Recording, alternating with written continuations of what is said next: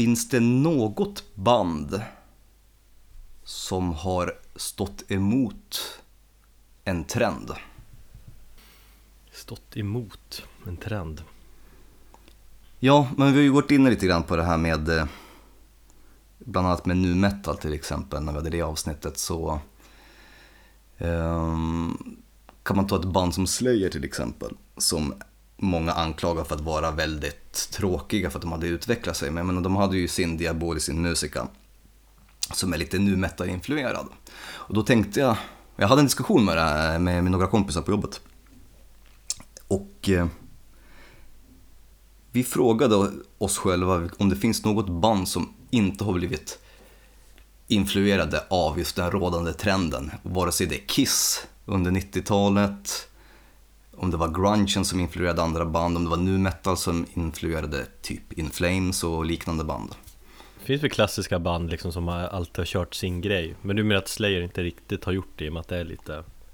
Nej, Slayer, jag skulle inte säga att Slayer har gjort det, för att de har som sagt, de följer lite grann för, för det rådande trenden där i slutet av 90-talet. Och jag, jag vet ett band, eller jag tror mig veta ett band som har genom, sen dag ett har de varit sig själva, om man säger så här, rakt upp och ner. Men jag frågar dig om du har någonting annat på, som du vet? Mm, ett band som kommer upp. Vi får suga på din lilla karamell. Suck a little bit on your caramel. Ja, jo, nej men det är ett band som du inte gillar men som jag gillar mycket. Vilket band är det då? ACDC. Ja. Och det är det bandet som jag också tänkte på. De har varit konsekventa genom alla åren. Fast ja, de har alltid kört sin stil fast man kan väl ändå medge att de har blivit lite gubbrockigare Liksom ja. Senare ja. än vad de var på 70-talet Men eh, absolut, absolut så sen man känner ju igen, jo men ACDC Att de har blivit gubbrockiga det är en sak för att de börjar bli äldre men de har ju inte liksom inf varit influerade av grunge eller någonting annat eller hårmetal eller whatever. Utan de har ju varit konsekvent dåliga sedan dag ett. Tycker du? Vi ska fan snacka ACDC Nej, det ska Framöver, fan, eller... inte nu, men framöver ska vi göra Lite grann ska vi göra Snacka lite bit on that caramel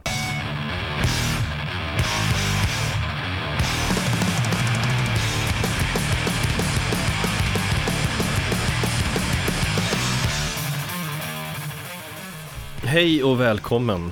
Du lyssnar på avsnitt 36 av Metalpodden. En podd där vi snackar om hårdrock. Ja, bland annat. Ja, bland annat Hur är läget då? Det är bra tack. Jag sitter här och tuggar på Läkerol. Eh, Vi har alltså inte blivit sponsrade utan jag har ont i halsen. Eh, Så att, ja. Det är som det är Jämna plågor. Jag sitter och dricker öl. Och vi har inte blivit ja. sponsrade heller, men det hade varit härligt. Om Nils Oskar hade sponsrat oss till exempel. Nej för fan, Omnipojo. Ja, ja, det är bra, men vi hade ju inte tackat nej till Nils Oskar heller. Ja, men annars känner jag mig fan i fas med livet idag. Vi fick ha ungen på förskolan hela dagen. Han hade ätit bra, han åt bra middag när han kom hem och han är inte sjuk. Eh, han var inte lätt att lägga, men det Gör ingenting. Livet leker. Fan vad du är positiv. Ja, men jag måste ju vara det nu. Men du, jag måste ju ändå erkänna att du sa till mig förra avsnittet att jag ska vara lite gladare. Mm. Jag, måste... jag, har funderat lite grann på det. Det, har legat ja. i bakhuvudet. Så bara, fan, tänk om folk uppfattar mig som neggig och, och, och, och pessimistisk, vilket jag i och för sig är, men oftast på ett charmigt sätt. De uppfattar dig som lite emo. ja, eller hur? Jag har ju för sig min emo-frissa. Emo-Danzig-frissa. Om jag drar ner luggen sådär över näsan. Jo, men jag tror folk gör det. Att du är lite sådär mörk där inne i själen.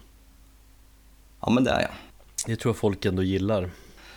Jag är en eh, romantisk nihilist, eller en nihilistisk romantiker, jag har inte riktigt bestämt vilket. Skitsamma, eh, livet leker för mig också idag. Eh, jag har haft jättekul med min son.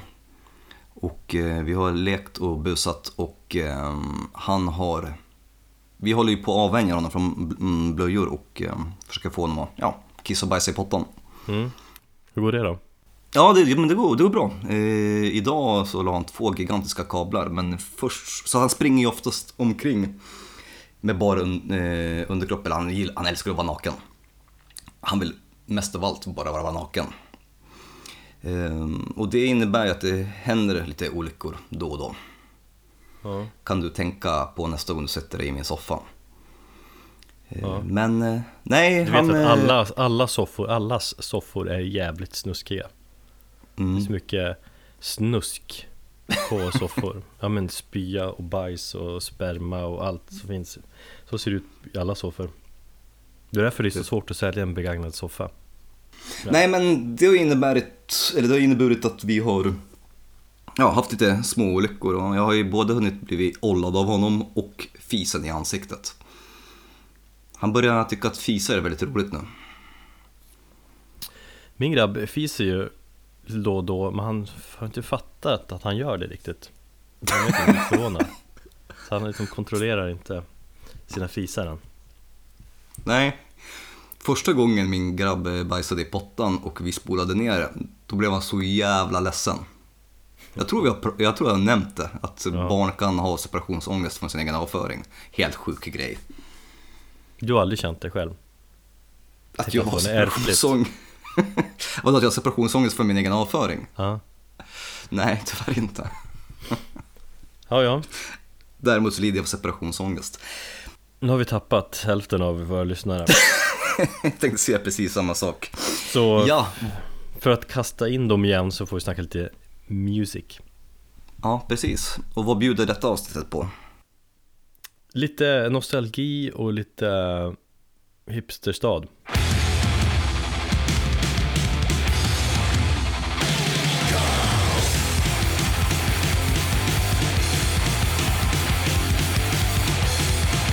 Jag gillar ju att eh, nostalgitrippa bakåt i tiden Bakåt kan man nostalgitrippa framåt Det är kul att nostalgitrippa och inom musik och se om sina gamla favoritskivor fortfarande håller. Det gör de ju inte alltid. Ibland känner man att vissa skivor, när man går tillbaka och lyssnar, om man inte har hört dem på länge, att de inte har åldrats så bra. Man lyssnar ju oftast på musik med ett annat öra, eller vad man ska säga, än vad man gjorde där Mm. för 20-25 år sedan, eller hur? Man har ju Stämmer utvecklat väl. sin musiksmak under åren som gått. Jag känner att eh, det är väldigt få skivor som har åldrats väl när jag har lyssnat och när jag själv har nostalgitrippat. Ja, ja, för mig är det lite så också att på senare tid när jag går tillbaka så känner jag att den här skivan är ju kanske inte lika bra som jag tyckte den var eller tror jag har fått för mig att den var. Den, har, den känns lite daterad. Ja, för att man är i ett eh, annat skede av livet. Ja, det är nog sånt.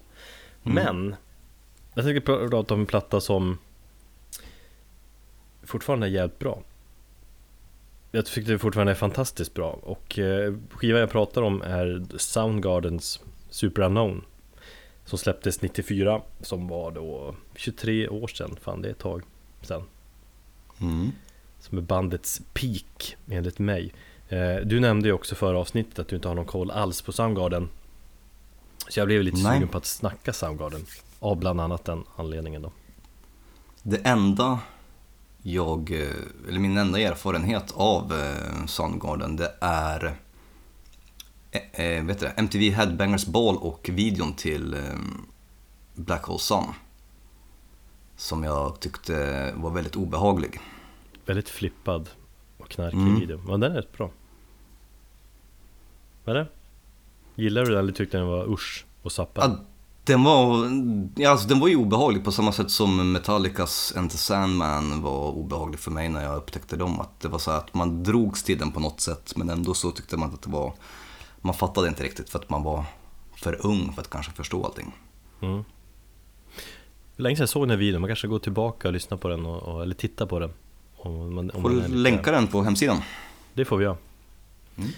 Eh, nej men jag har sagt förut till folk, kanske i den här podden också, eller till dig, eh, till folk i min närhet, att eh, Super Unknown är en topp 5-platta för mig. Alltså topp 5 bäst av alla skivor. I livet? Ja, det är svårt det där. Alltså när man väl kommer till kritan då är det ju ganska många skivor som ska samsas. Mm. Men i, liksom i betydelsefullhet så är den här skivan absolut topp 5 för mig. Av alla tusentals Mm. skivor man har hört genom åren är denna så högt upp. Men vad fan, det är 90-talet, det, det var ändå den här tiden som jag blev gammal nog att verkligen upptäcka musik på allvar och bli så hopplöst förälskad i musik och inspirerad och förlorad och allt det där. Det går liksom inte att mäta sig med den tiden idag. Och den här skivan gjorde ett extremt kraftfullt intryck på mig tidigt 90-tal. Så ja, det är, jag kan fortfarande säga att det är en topp 5-platta för mig. Men på vilket sätt har den eh, påverkat dig?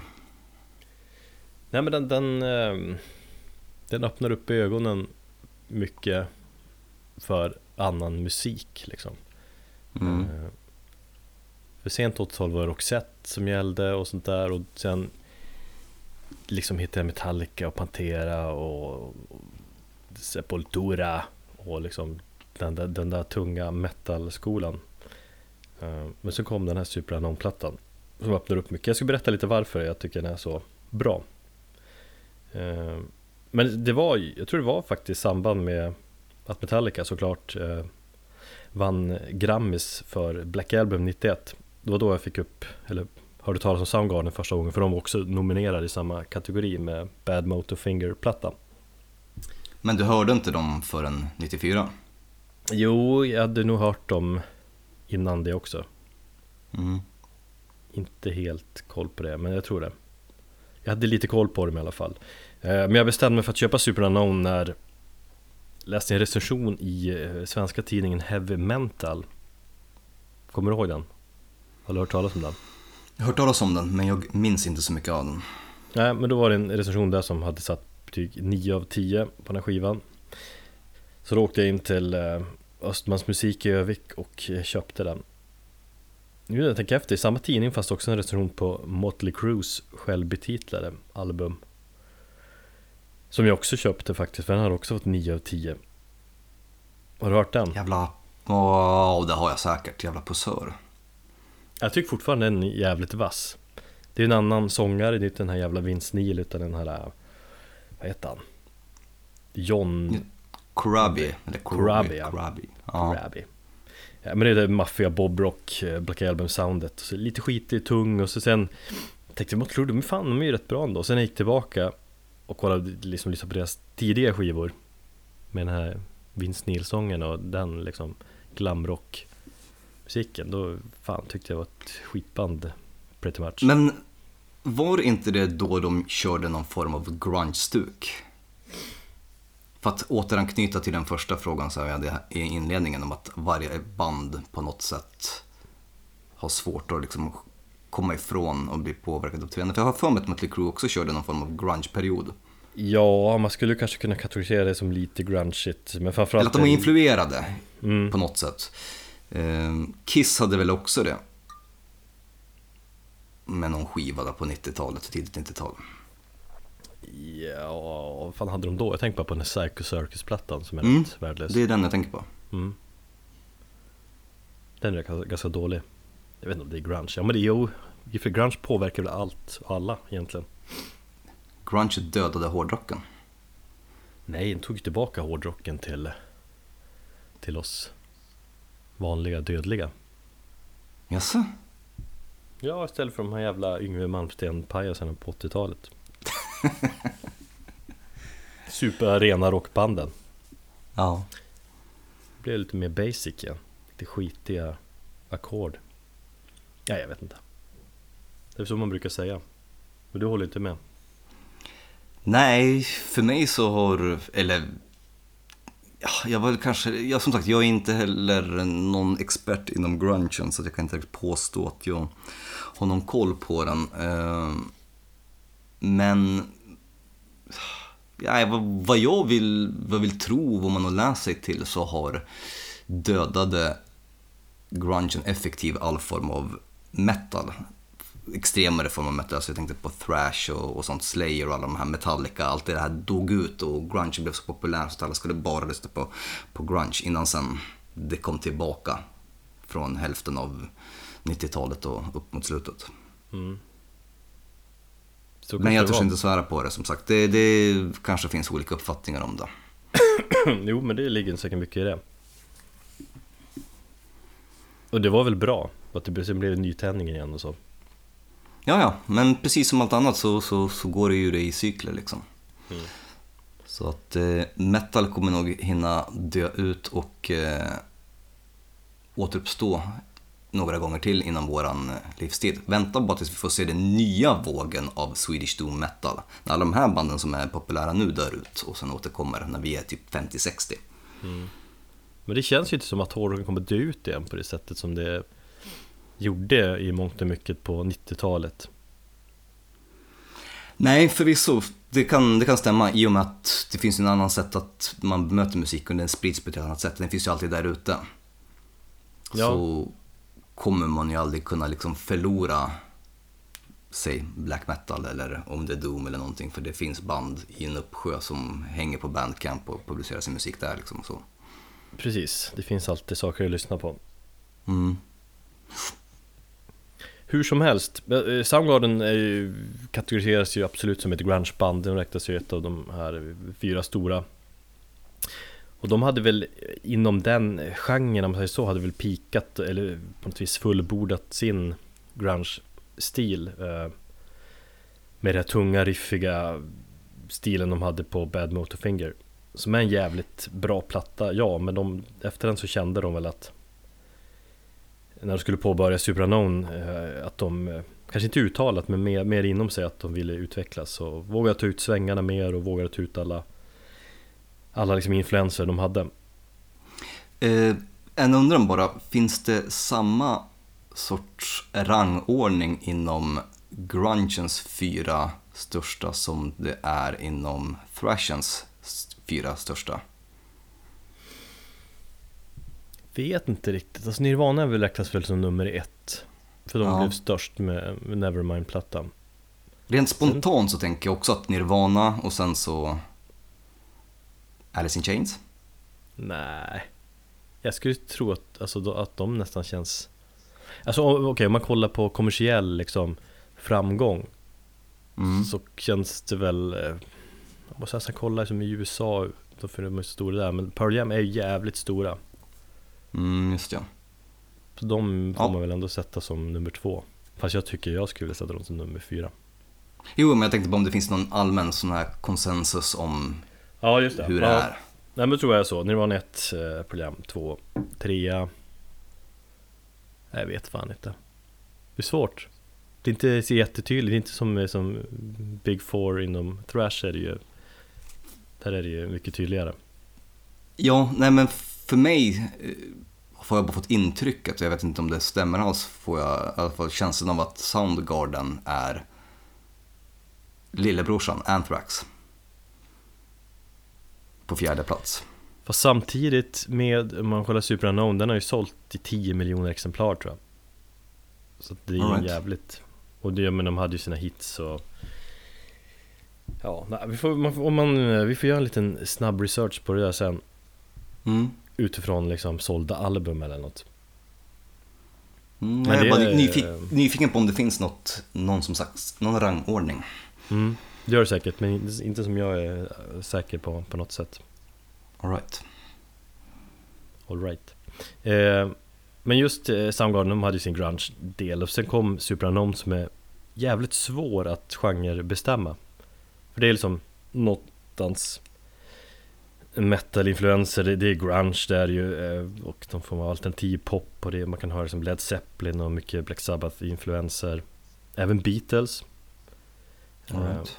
Och allt det får samsas med massa psykedeliska grejer och, och pop eh, Och stor anledning att det är så svårt att sätta en genre på är att alla fyra bandmedlemmar bidrog med, med låtskriveri Vilket liksom då gjorde att de skapade den här knasiga Eller liksom extrema variationen på något sätt Just en låt som eh, Head Down till exempel skriven av basisten Ben Shepard Han Eller det är en låt som inte liknar någonting som de har skrivit tidigare Och det finns fler sådana exempel också. Och det är jävligt coolt Mm. av ett band att relativt sent i sin karriär ändå, eller tio år in, göra en sån grej.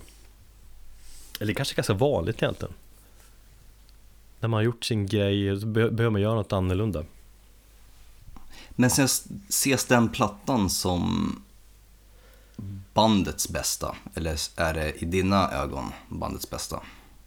I mina ögon är det absolut det, men det tror jag väl allmänt alltså Någonstans deras liksom Black Album på det sättet att den är Ja, att den har sålt så mycket så Men Mm. sen är det väl lite vad man, ja, vem man frågar också och liksom vad folk gillar, vilken era av Soundgarden lite grann All right. Eh, Men ja, jag skulle vilja säga att de flesta ser den som deras bästa. Möjligtvis eh, konkurrerande med, med Bad Motorfinger också. Mm. Eh, Men sen många låtar består av liksom olika taktarter och, och annorlunda gitarrstämningar. Liksom fem, sex olika stycken som gör att det det är också en stor faktor till att skivan är så varierad. Eh, Och väldigt lång skiva också. En timme, tio minuter, 16 låtar men den känns aldrig Känns aldrig tråkig på något sätt. Det känns liksom som en komplett skiva, 16 spår Vilket normalt är för långt. När, när när det kommer en skiva och ser man är 16 låtar känner man bara fan. Palla, eller hur? Ja, om det inte är grindcore. Ja, ja, okej då. Då är, då är 16 låtar nästan för lite. Då ska det vara det dubbla minst. Ja. Minst, eh, ja exakt.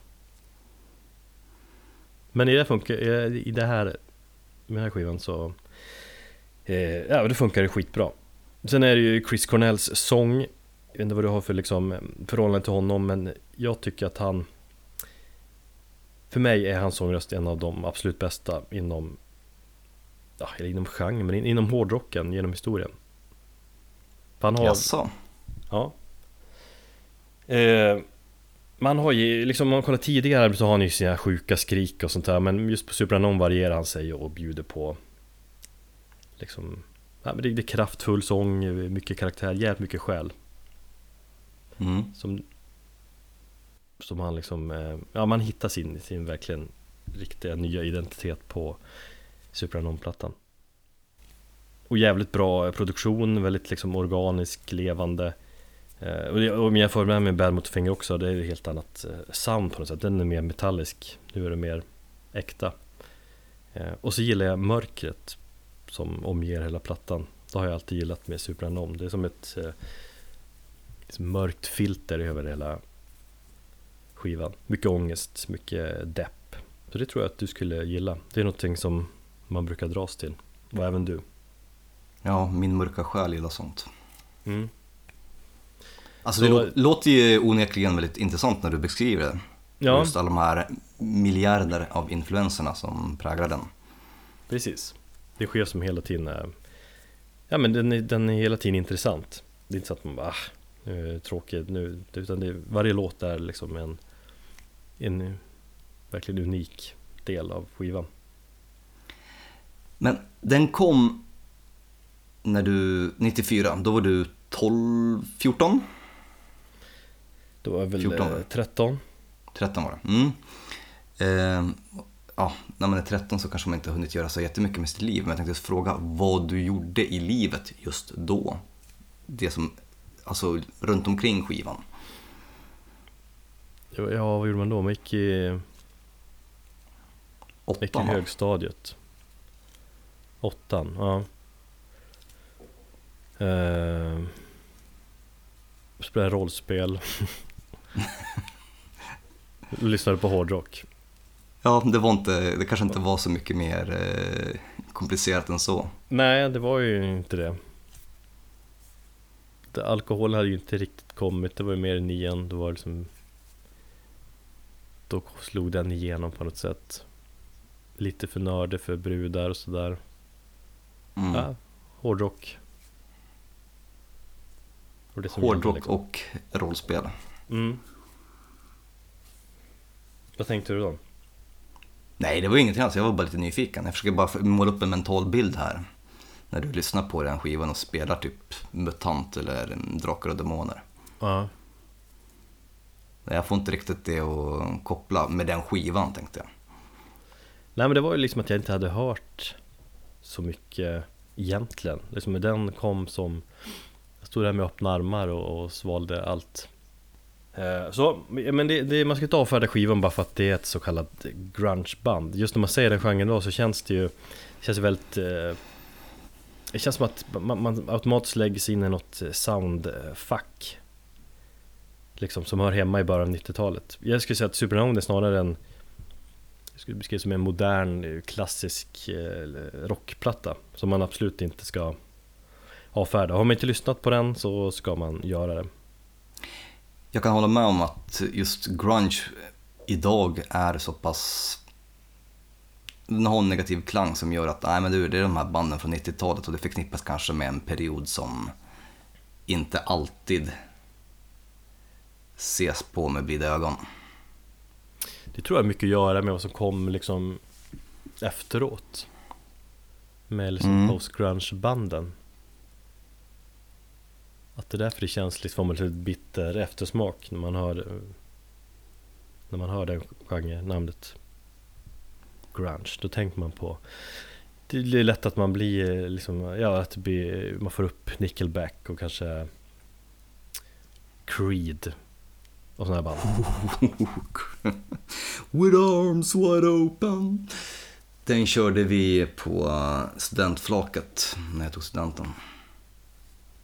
Också jävligt inne, eller första, första Creed-plattan tyckte jag var bra. Vad heter han? Scott Stapp. Sen fick man veta att de var kristna. Ja precis, alltså när, de, när de var kristna då, då avfärdade jag där bandet totalt. Ja, jag också. Det har vi, det har vi, det har vi pratat om förut också. så jävla trångsynt egentligen, men sen kan vi kanske enas om att Creed inte är så jättebra när man tittar tillbaka på det idag. Men ja, det var ju fan ett jävla miljonsäljande band mm. ett tag där. Och nu våra kristna lyssnare som, som lyssnar på oss sitter och skakar på huvudet igen här. Men eh, så är det. Ja. Det var mitt snack om Soundgarden Super Unknown. Och så tycker jag mm. vi avslutar med att lyssna lite på eh, Limo Wreck låten. Den är bra. Varför väljer du just den? För att den är... Ja, det är fan bra fråga Det finns så många att välja på. Nej, men jag tror att... För de har släppt väldigt många singlar från den plattan, till säkert fem, sex stycken.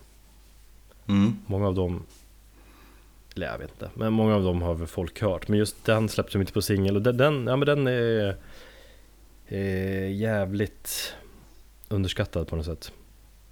En av de bästa på plattan, så att, eh, därför väljer jag den. Då kör vi den. Vad sa du att den hette? Limorek? Ja.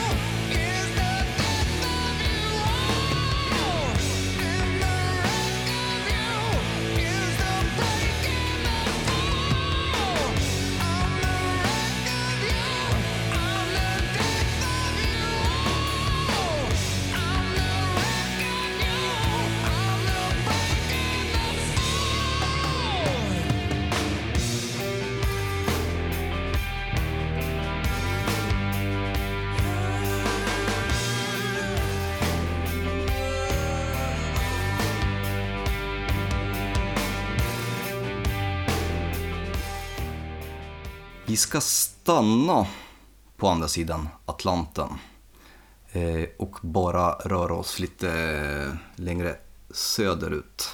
Visst kommer eh, Soundgarden från Seattle? Ja. Bra, men då har jag i alla fall koll på det geografiska läget. Eh, vi ska ta oss till hipstermeckat, till gentrifieringens epicentrum till den kulturella smältdegel som är Portland. Um, ja just det, det ligger någon... där uppe. Ja, det gör det. Det ligger, det ligger inte så långt ifrån... Ja, nu ska vi se hur bra jag är på, på eh, geografi. Det ligger i Oregon. Det är väl inte så jäkla långt ifrån Washington. Har jag för mig. Mm. Skitsamma. Eh, det är okej okay att inte veta vart saker ligger i USA. Det är inte som min kompis som trodde att eh, Danmark låg ungefär där Gotland ligger. Mm. I alla fall, i Portland, eh, eller Portland har ju blivit känt som en, ja, en hipsterstad. Och det kan man väl säga vad man vill om ordet hipster. Jag vet inte ens vad en hipster är idag om man ska vara helt ärlig. Eh, det känns som att det används lite till höger och vänster. Men i vilket fall så har i alla fall Portland på senare tid kommit upp som en väldigt eh, prominent stad när det gäller just musik. De har en väldigt levande musikscen. Det var en, eh, en gammal hamnstad full med kriminalitet under 50-talet och sen så på något sätt så började musiker och strömma in till staden under 70 80-talet och så blommade musikerlivet och eh, flanellskjortan och eh, de håriga männen som gillar att brygga öl. Men det känns och... väl som en ganska, är grunden att det är en ganska tråkig stad från början liksom? Som Seattle, det var en... då har ju alla de där banden sagt att det fanns inget att göra, det regnade hela tiden, världens tråkigaste stad så vi spelar musik. Och sen blev de ett av några av världens största rockband. Eh, ja, det kan mycket väl vara så. Eh, det var väl någonting annat i Portland som, som gjorde att den, för den, som sagt, det var en gammal hamnstad och jag tror den är relativt, den är inte så gammal den staden. Den, alltså det var en länge typ en rätt så bara by och väldigt mycket liksom skog och ödemark liksom innan det liksom började växa till. Det var typ under sekelskiftet, 1900-talet där någonstans. Grundad Men som sagt, 1845. Ja, det är ju inte så jättelänge sedan. Om man tänker efter. Fast hela USAs historia är ju inte så gammal heller. Nej, absolut inte. Inte om man tänker på hur man relaterar det på så sätt.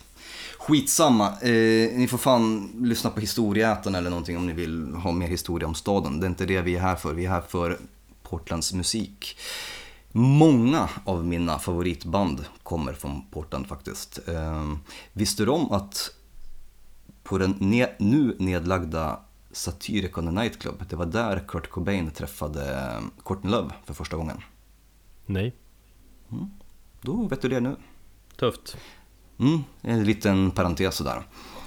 Eh, andra kända band och artister från Portland är ju Uada, som jag har snackat väldigt gott om och som släppte den fantastiska plattan The Void of Light förra året. Red Fang kommer från Portland. Eh, ett psykedeliskt stoner 70-tals retro rockband som heter Danava. Eh, också väldigt bra band. Eh, Poison Idea, givetvis. Eh, Toxic Holocaust. Ett eh, lite crossover grind thrash eh, band. Eh, Infernus, ett hipsterigt black metal band kanske man skulle säga. Det tyckte du att de var, eller hur? När jag spelade upp det här för dig. Ja, jag sa det. Jag vet inte riktigt vad jag menar men ja, jag förstår lite grann vad du kan de, de spelar någon form av Alltså det är ju egentligen bestialisk black metal så jag skulle inte säga att någonstans är hipstrigt. Men jag kan tänka mig att det finns någon svår Portland-boda som tycker att jag hörde Infernus tidigare innan alla andra. Och det är alltså bandet Infernus, inte den norska musikern Infernus. Eh, de släppte en helt jävla fantastisk platta 2014 nej 2015 som heter Grinding Christian Flesh. Eh, fantastisk låttitel, eller ett albumtitel och... Det var den du skickade till mig va? Ja, precis. Mm. Ja, det är jävligt bra. Det är, det är svinbra och det finns nästan, jag skulle nästan kunna tillägna ett helt avsnitt till Infernus och just den plattan, Grinding Christian Flesh, för att det... Ja, jag har väldigt mycket att säga om den. Men vi låter det vara för den här gången.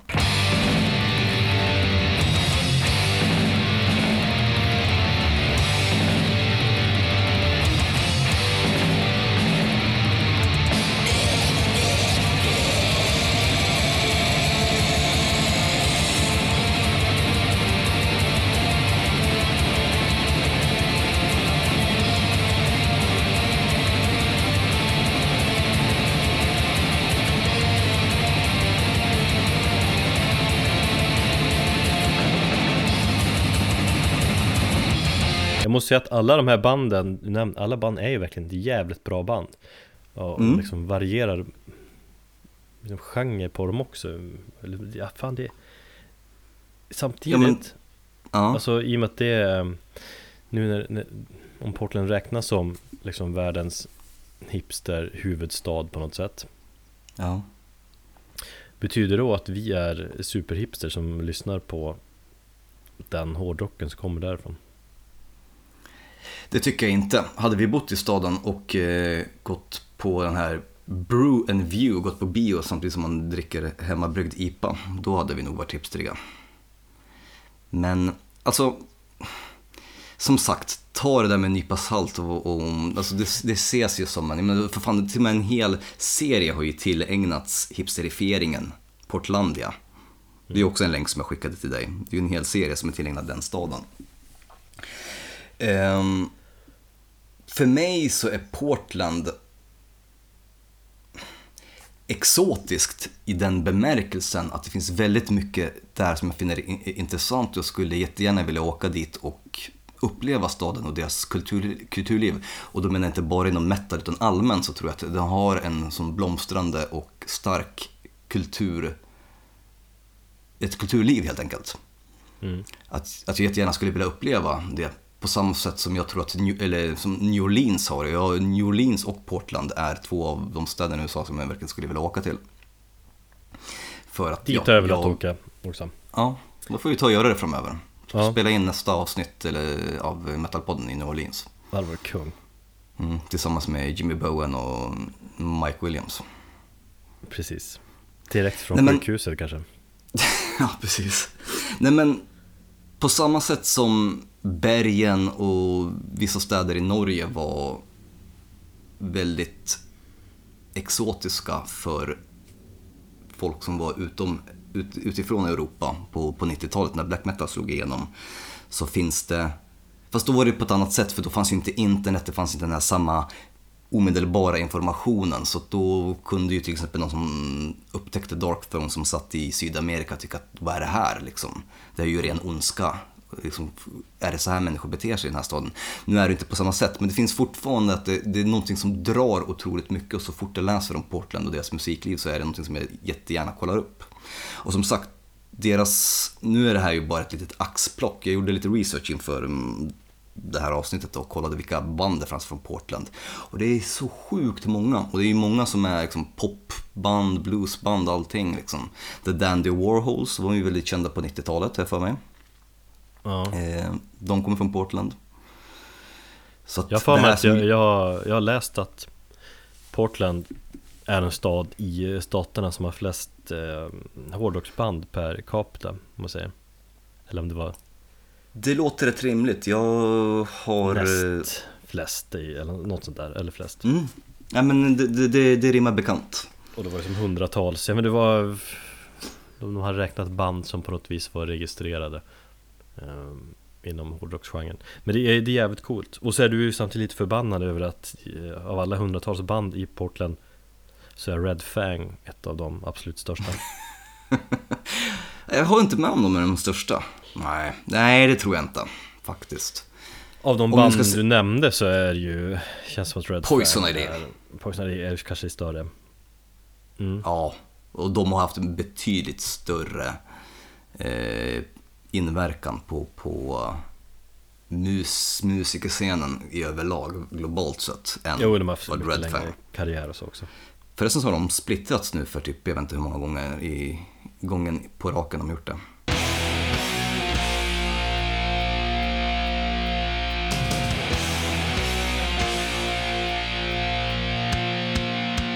Som sagt, eh, vi ska stanna vid ett band som jag inte hann nämna här nu och det är bandet Agaloch. De ska nog- ses faktiskt som ett av de största banden inom den extremare metallen. Jag tror inte liksom Poison Idea kan räknas in i det.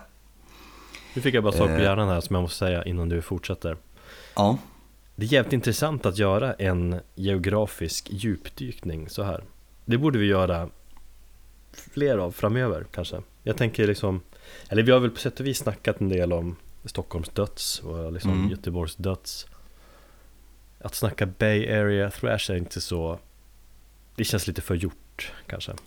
Stämmer bra det. Eh, men vi får göra något sånt, mer sånt här. Ja, men eh, jag skulle jättegärna vilja dyka ner i polsk eh, musik för att det är någonting som jag faktiskt har jävligt dålig koll på. Och bara för att lära mig själv. Det tycker jag. Och sen så har vi ju vår vän Kim som vill prata om finsk black metal. Mm. Ägaloch. Eh, varit aktiva i 15 år, 20 år kanske till och med. Eh, spelar någon form av post black metal med eh, väldigt mycket folkliga inslag. Eh, de splittrades förra året. Eh, och eh, huvudmannen, och hjärnan bakom bandet heter Joan Haugme med reservation på uttalet där. Och han verkar vara lite svår att, att jobba med. Eh, jag har fått för mig att han är lite grann av en, han har lite Dave Mustaine personlighet. Lite hybris, liksom ska ha ett stort kontrollbehov och liksom, ja, han, på ett sätt så förstår jag det också. Därför att han verkar göra nästan allting i bandet medan de andra som är där bara liksom egentligen gör som de blir tillsagda. Så jag har fått för mig. Jag vet inte riktigt på säkert, det är väldigt svårt att få någon klar bild i det. Eh, förra året så splittrades de och då var det som så att tre av bandmedlemmarna fick nog och kände att de inte riktigt kunde jobba med honom så att de lämnade alla, alla samtidigt och gick och startade ett annat band. Eh, som lovade att spela musik som var väldigt olik ifrån Agrach för de ville inte ha någonting med honom och det förflutna att göra. Han i sin tur gick ut i sociala medier och gnällde lite grann över att ja, han hade blivit stäbbad i ryggen av sina eh, ja, gamla bandmedlemmar och allmänt att ja, det var så synd om honom. Liksom. Man får ju läsa bägge sidorna och få någon form av uppfattning. Det, sanningen ligger någonstans däremellan. Eh, och han sa då att han lovade att fortsätta och skulle ta ägarage vidare. Och sådär. Men några dagar senare så ändrade han sig och sa att nej, jag lägger ner skiten. Det är lika bra. Och eh, mycket riktigt, Ägaloch dog förra året och eh, de hann släppa en bra skiva innan de gjorde det. De hann släppa några, eller flera bra skivor under sin livstid. Senaste skivan de släppte, det var nog 2014. Det var The Serpent and the Sphere. Har du hört den? Den har jag hört. Mm. Jävligt mysig platta. Mm. Väldigt mycket mer post än black metal. Men det finns Väldigt där. at- atmosfäriskt liksom, mys. Mm. Men Marrow of the Spirit från 2010. Det var den plattan som jag kom in i bandet och jag hörde dem för första gången faktiskt. Eh, och han är ju rätt så pretentiös som människa har jag fått intrycket av. Det är ju bara att titta på promobilder. Han har på sig sin jävla hatt. Och faktumet att de har, på just den här Marrow of the Spirit så tog de in och skulle testa på att spela de snickrade ihop egna instrument av kranium, rådjurskranium och skelett och ben och sånt där som de hade hittat i skogen och för att få fram speciella ljud. Jag kan inte påstå att det hörs någonting på den skivan när de använder just de här instrumenten. Man kanske anar det någonstans långt bak i, i mixen. Det kan, ja precis. Så det är det jag menar med det här, med, med, med det här hipsteriga. Och de ses ju som ett väldigt, alltså, som typ, typexem, en, typ, typexemplet på hipsterig black metal. Men det hör ju Eh. till sådana här detaljer, det hör ju till genren på något vis. Absolut, det gör det. Och egentligen så tycker jag ingen är fel med det, utan det kan, görs det på rätt sätt så kan det bli jävligt bra, tycker Mm. jag. Hur som helst, Ägaloch är nedlagda och han eh, startade upp ett band som heter Pilorian. Som är nu aktuella med sin eh, fullängdsdebut som kommer den 10 mars. Eh, och det låter väldigt eh, Alltså det tog egentligen efter där Ägaloch eh, avslutades. Så det, det är inget, inget konstigt med det. Gillar man Ägaloch kommer man gilla Pilorian också. Fast är det inte Jag ett litet steg i vad jag känner i alla fall i en eh, kommersiellare riktning? Tycker du? Ja, men alltså jag tyckte den var Den var mer lättsmält på något vis än vad jag trodde den skulle vara. Nu har jag, ju haft den och, lyssnat på den lite grann. Mm. Jag håller inte med, inte jämfört med uh, The Serpent and the Sphere. Då tycker jag att den har på något sätt är lite hårdare. Sen kan jag förstå den sista låten där, Darkest the River of Man. Den är ju lite mer så här atmosfärisk, han sjunger rent och det är någon så här, vet, avslutning som egentligen inte har någonting med black metal att göra. Utan det är någon mer post, darkwave, någonting annat sånt där. Mm. Jag fick väldigt Men- mycket Alcest och mycket Tiamat-vibbar av skivan. Tiamat kan jag hålla med om, Alcest, nej. För att då på något sätt så uh, insinuerar jag att det skulle finnas någon form av shoegaze i musiken. Mm, Eller? Ja, Men ja, ja men absolut. det är det, at- atmosfärisk liksom. absolut, ja. det är väldigt atmosfäriskt. Och, och, men jag tycker den har ändå väldigt många hårda stunder också. Jo, det har den. Ehm, Eller bara så att jag behöver bli så jävla hård. Så jag tar inte till mig av den hårdheten på samma sätt. Jag har faktiskt lyssnat på den sjukt mycket och jag, jag är helt tagen av den plattan faktiskt. Jag tycker den är riktigt fin. Den växer mer och mer. Jag var lite så här, körde igenom några gånger så bara, var väl okej. Men den, eh, jag börjar liksom, börjar komma in i den nu. Mm. Nu är det som så att eh, John Haugm och hans Pilorian kommer faktiskt till Stockholm. Oturligt nog så kommer de spela samma kväll som Paul Bearer spelar i stan. Eh, Medan Paul Bearer spelar på en arena, eller Kraken, eller Kraken, eller vad- vad säger man? Kraken. Krak, kraken. Gamla en arena, den Kraken, vad fan, det är ju svenskt. Kraken. Ja, Kraken. Den, eh, vad säger vi, Fjo, 14 april va? eh, 13 Sånt april här för, Mm. 13 april tror jag för mig. Eh, spelar eh, Paul Bearer på Kraken och Pilorian kommer spela på Pet Sounds bar. det är jätteoväntat. Pet Sounds Bar, det är ju svinlitet ju. Ja, eh, dels är det här ett litet band som inte riktigt har ja, kommit upp sig om vi säger så. Även om de har en prominent liksom, huvud main man. Mm. Å andra sidan så är, är det ju fortfarande väldigt underground på sätt och vis. Sen så är det som så att jag har faktiskt märkt det nu när The Base Medis har lagt ner så var jag inne och kollade lite grann på Pet så de verkar som att de ska satsa lite mer på livemusik. Och jag tror det kommer bli mer eh, av de här små, så mer småklubbar inne i stan. För att folk, det är fortfarande en diskussion om att all, alla bästa klubbarna flyttar utanför tullarna. Och jag tror ändå att de här små krogarna som Pet Sound, som liksom Geronimos och de här, de kommer nog satsa lite mer på, på att få till, kanske lite mindre band, men att det blir oftare. För att det kommer nog vara en hel del spelningar på Pet Sounds bar i, eh, i vår. Det gillar man ju. Man gillar ju att gå på de här mindre konserterna och se de här banden innan de blir för stora. När man ser dem på demobandsnivå, då kan man säga det sen. De Ja, jag, jag såg eh, Insect, ett eh, krustpunkband där i förra året på en Pet Sounds bar. Det var skitbra. Mm. Nu skämtar jag Och- lite grann, men det är, det är ändå jävligt kul att se på en liten scen. Om det är bra ljud och Ja. allting. Men fast Mm. Pet Sounds Bar, jag, när jag var där, eh, var ganska länge sedan, men jag var där, drack öl och så råkade det vara någon band som spelade där nere samtidigt och så kände jag bara fan. Det är litet. Men det, blir, det kan ju bli skitbra. Ja, det kan bli mysigt om inte eh, annat och väldigt intimt. Mm. Däremot är ju lite tveksamt till Pelorian live. Eh, Eller ja, jag vet egentligen ingenting, men det kan ju bli lite sådär...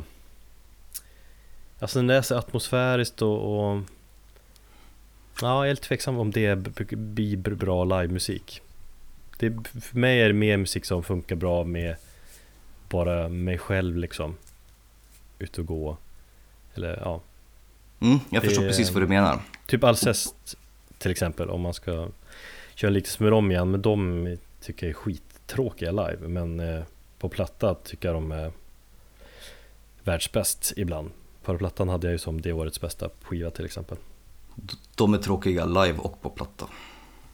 Det tycker du Men det, risken är ju att Plorian Elite kan vara tråkiga också Absolut. Eh, nu vill jag gärna se dem i och med att jag är ändå rätt så tagen av den här plattan. Så jag tycker det kan vara kul att, att få uppleva någonting. Och kanske om inte, även om det blir sämre, så är det ändå kul att få se ett, få en liten annan erfarenhet. För vi kommer nog hänga på Kraken rätt så mycket under året. Mm. Och övriga spelningar. För mig så är det rätt så klart att jag eh, kommer nog skippa Paul Bearer för att se det här. I och med att jag har sett Paul Bearer tidigare och så. Och jag har inte sett Pilarian. Det är fullt Eh. logiskt att tänka så, men ja, fan jag har inte bestämt mig än. Känns, jag tycker det känns svårt. Vi får se, allt kan hända fram till dess.